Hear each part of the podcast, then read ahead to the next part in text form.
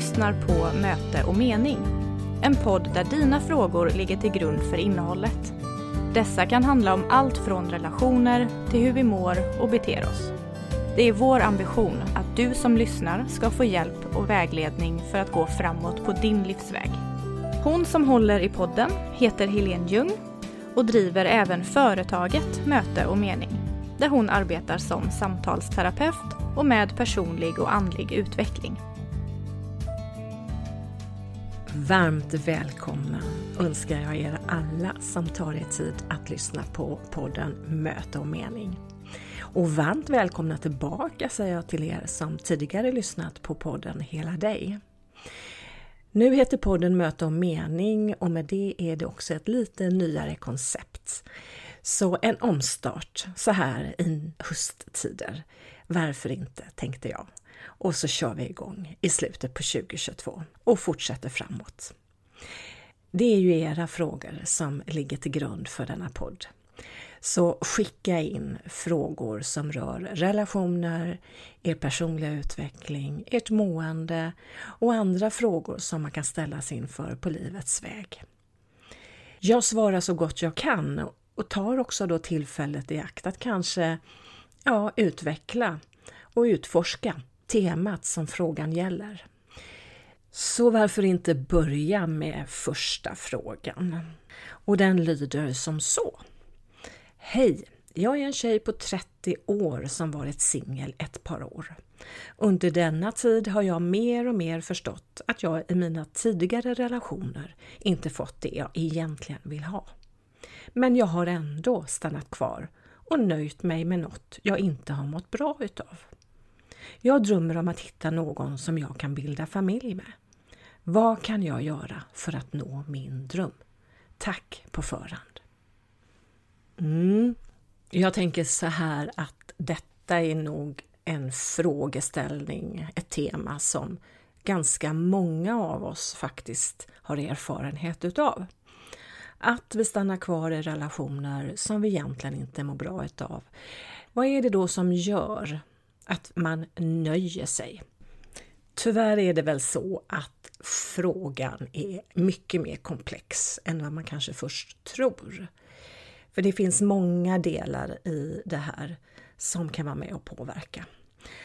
Nu kan jag ju inte ställa mer specifika frågor till personen i fråga så därför blir svaren mer generella. Men jag vill gärna börja då med vad det kan vara som gör att man går in i en relation och som man säger kanske nöjer sig med det lilla. Först skulle jag då vilja säga att det handlar om våran självkänsla. Relationen till dig själv. Hur du känner för dig själv. Och vad du faktiskt tycker om dig själv. Om du tycker om dig själv helt enkelt.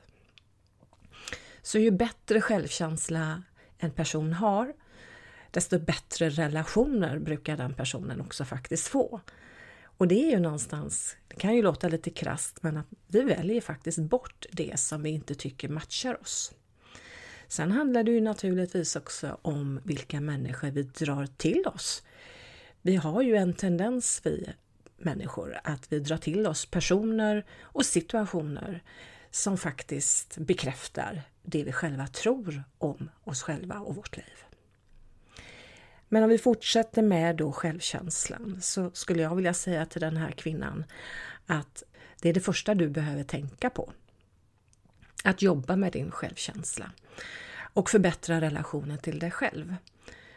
Vad det beror på att man har en låg självkänsla kan ha att göra med en mängd olika faktorer.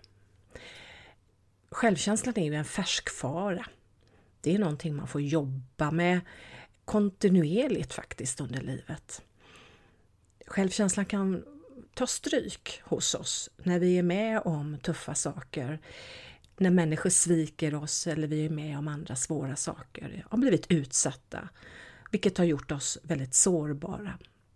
Självkänslan kan man jobba med på många olika sätt. Ett sätt är ju naturligtvis att läsa och bli medveten om vad det egentligen handlar om. Det finns många olika övningar man kan jobba på. Men jag skulle nog vilja dra ner det till att förbättra relationen till dig själv. Och hur gör man det då? Jag skulle vilja säga om man börjar lyssna och se sig själv lite bättre och lite mer så är man på god väg. Och att lyssna på sig själv det är att uppmärksamma dina känslor, dina tankar och dina drömmar, din längtan och ta det på allvar. Att man verkligen förstår att mitt liv är mitt liv och det är ingen annan som kommer och serverar den här drömmen som du har. Så det kan ju då naturligtvis också innebära att man ibland måste välja bort. Det i sin tur kan vara väldigt smärtsamt att kanske göra slut med en pojkvän som du känner att du inte får det du vill ha med. Och där kan det ligga andra aspekter i naturligtvis. Att man är rädd för att såra, men man också är rädd för att bli sårad.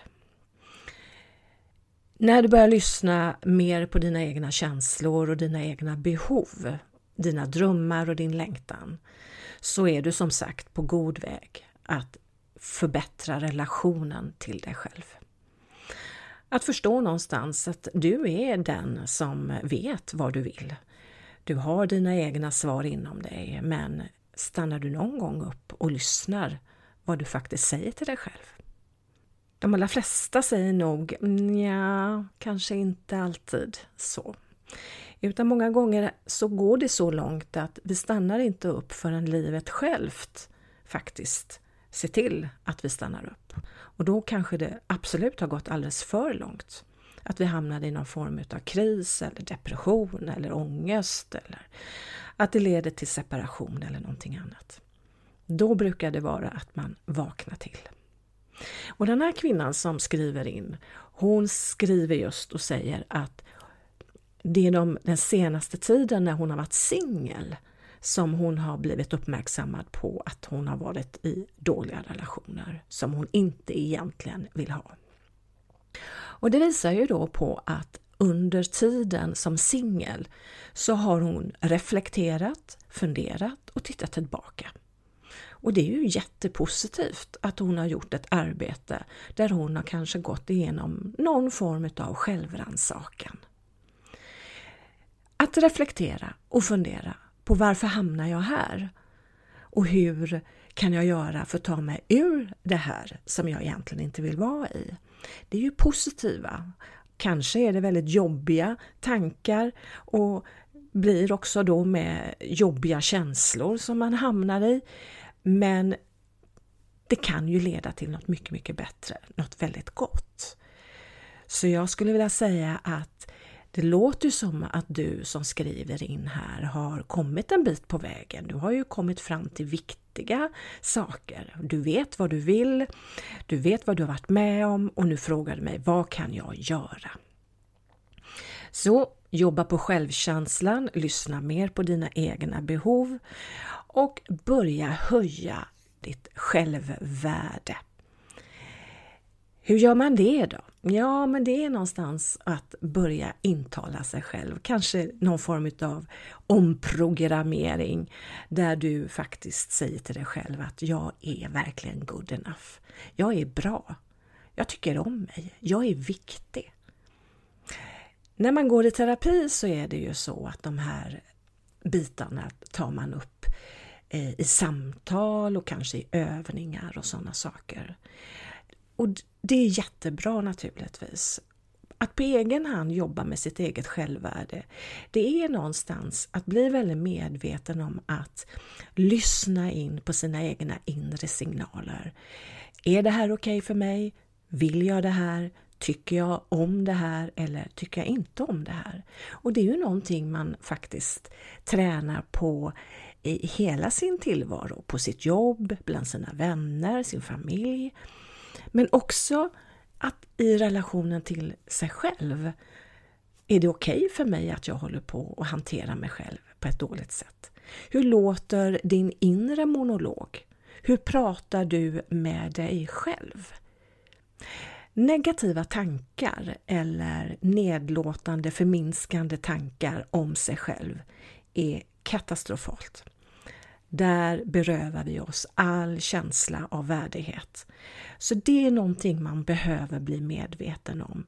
Pratar jag till mig själv på ett dåligt och negativt sätt?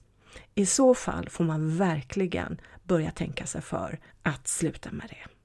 Att försöka bli medveten och avbryta så fort man känner nu är jag där igen. Aj, aj, nej, nej. Backa, backa.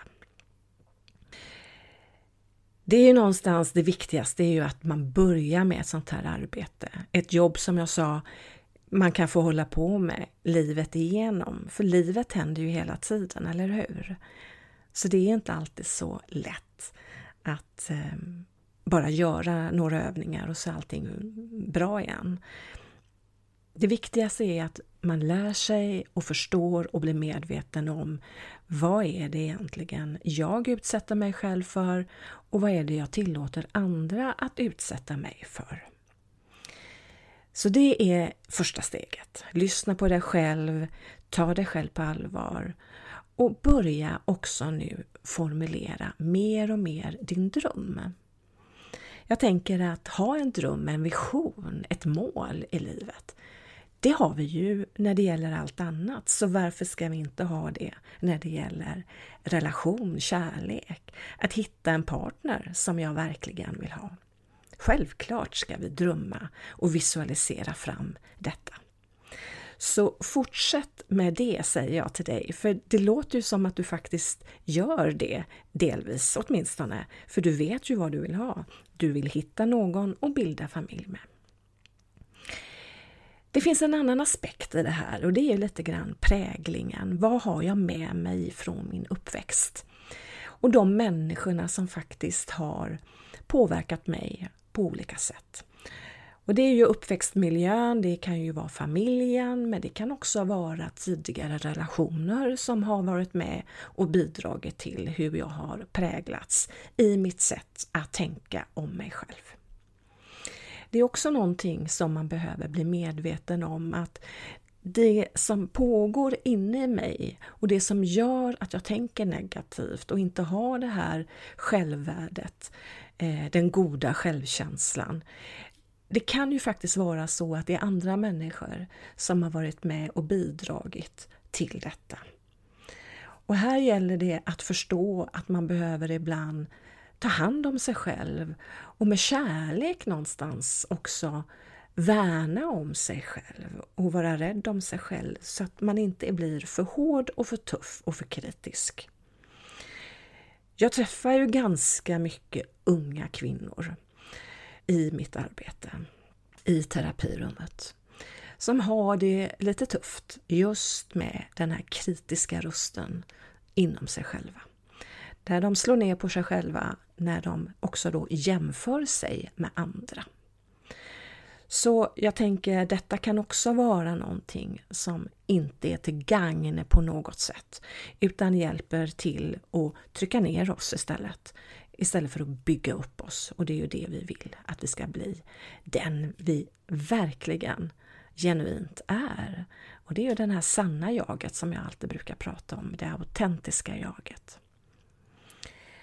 Så att förstå någonstans din prägling och vad du har varit med om, det kan också göra någonstans att du inte köper allting du faktiskt tänker om dig själv.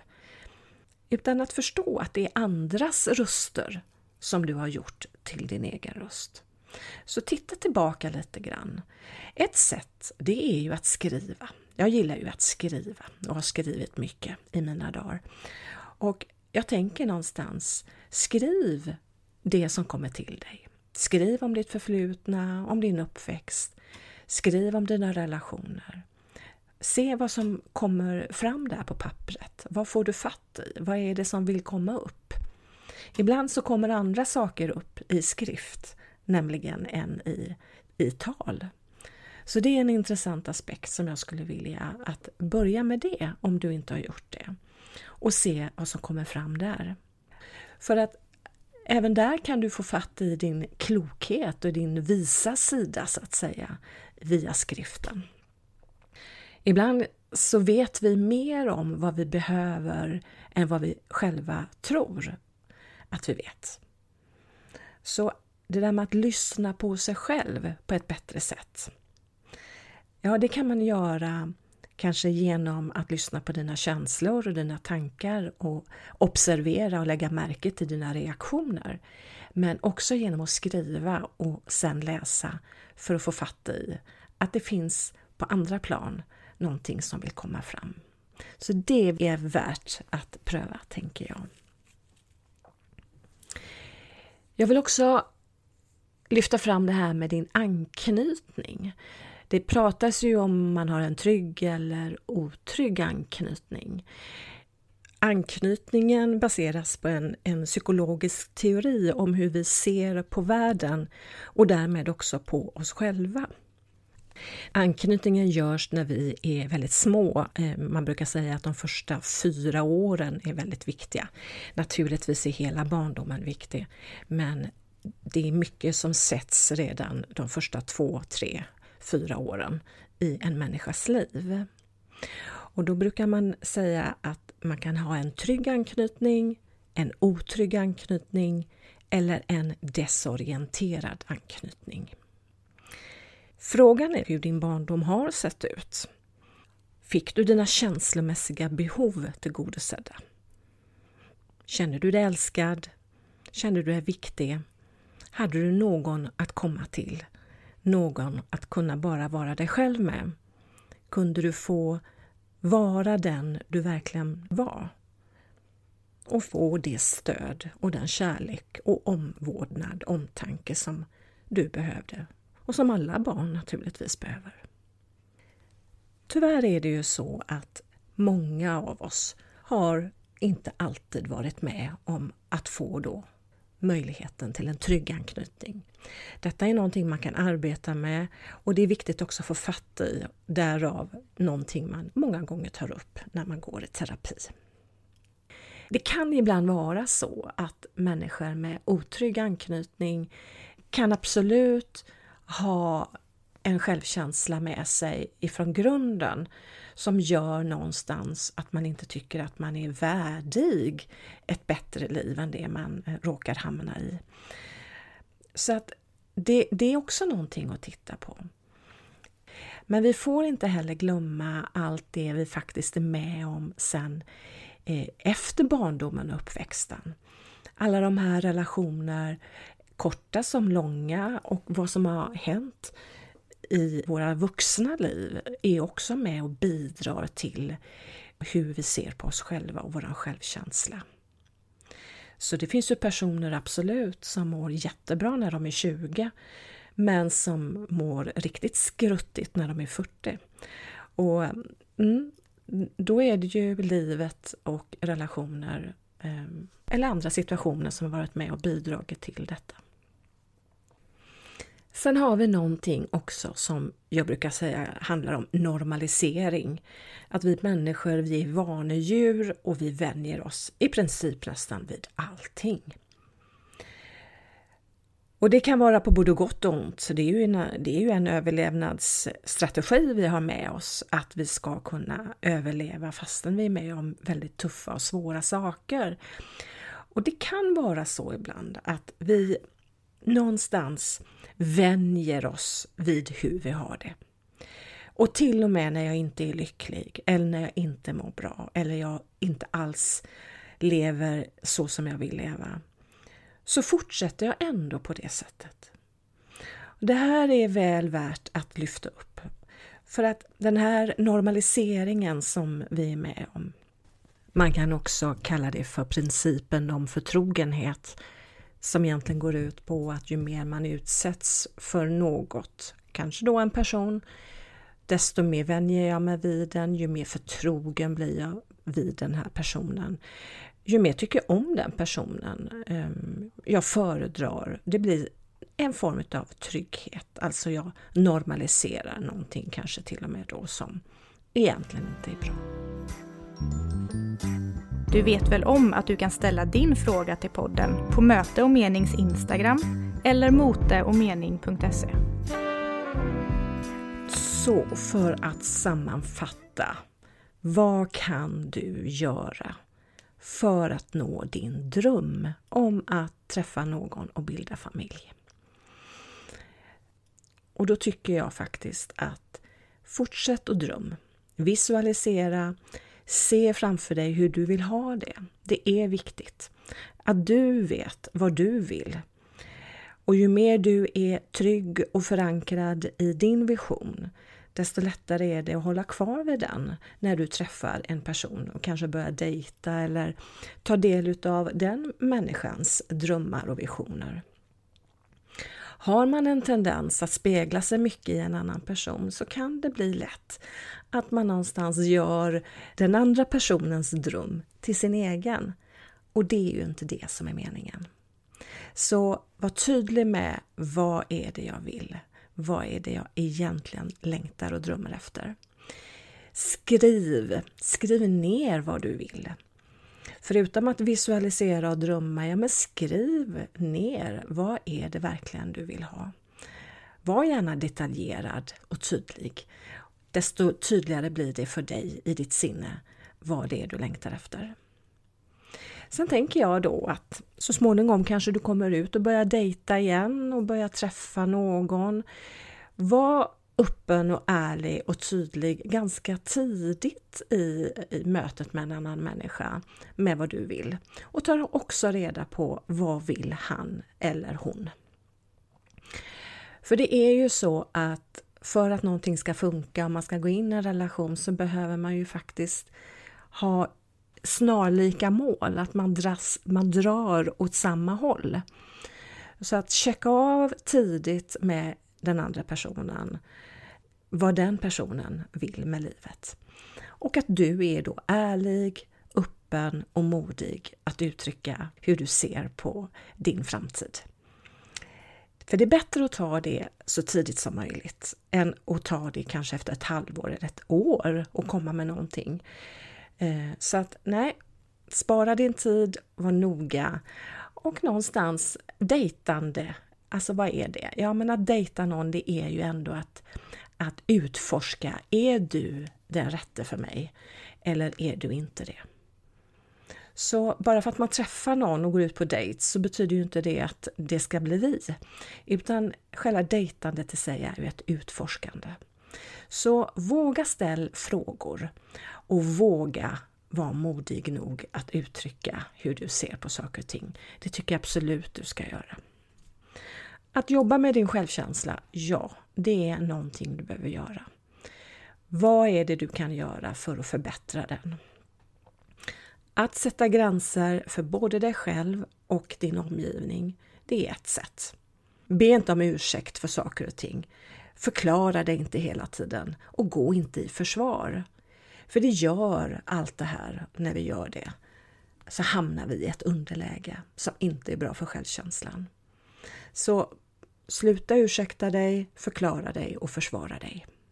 Det är någonting annat du ska träna på.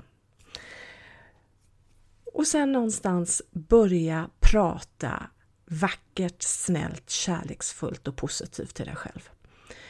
Och även om det låter som ett kanske ett jättestort steg för dig att ta, att komma dit hän, så tänker jag ändå att börja någonstans. Kanske kan börja med att sluta prata negativt när du väl kommer på att nu, nu är jag igång. Nu har jag den där äh, kritiska monologen i huvudet på mig själv igen. För den är verkligen inte bra för din självkänsla. Tvärtom tänker jag att du ska omge dig eh, med människor som faktiskt genuint uppskattar dig och tycker om dig. Och någonstans, jag vet att det kan låta fjantigt där med affirmationer, men jag tror ju på affirmationer och särskilt i samband med meditation. När vi är avslappnade är vi mycket mer mottagliga för den så kallade omprogrammeringen. Så meditera och meditera gärna med positiva affirmationer. Där någonstans, det skulle kunna fortsätta jättemycket mer i det här, men jag tänker någonstans att vi rundar av där. Och jag hoppas att du som har skrivit in nu har fått lite grann att börja jobba med. Och Ja, men skriv gärna igen och berätta hur det har gått. Det hade varit himla roligt för både mig och lyssnarna att ta del av hur det gick för dig.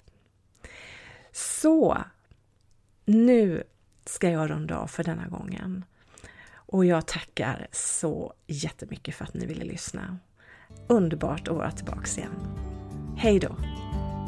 Om du har någon fråga du vill att Helene ska ta upp så tveka inte utan skicka den till oss via Instagram eller via vår hemsida moteochmening.se där du kan vara helt anonym.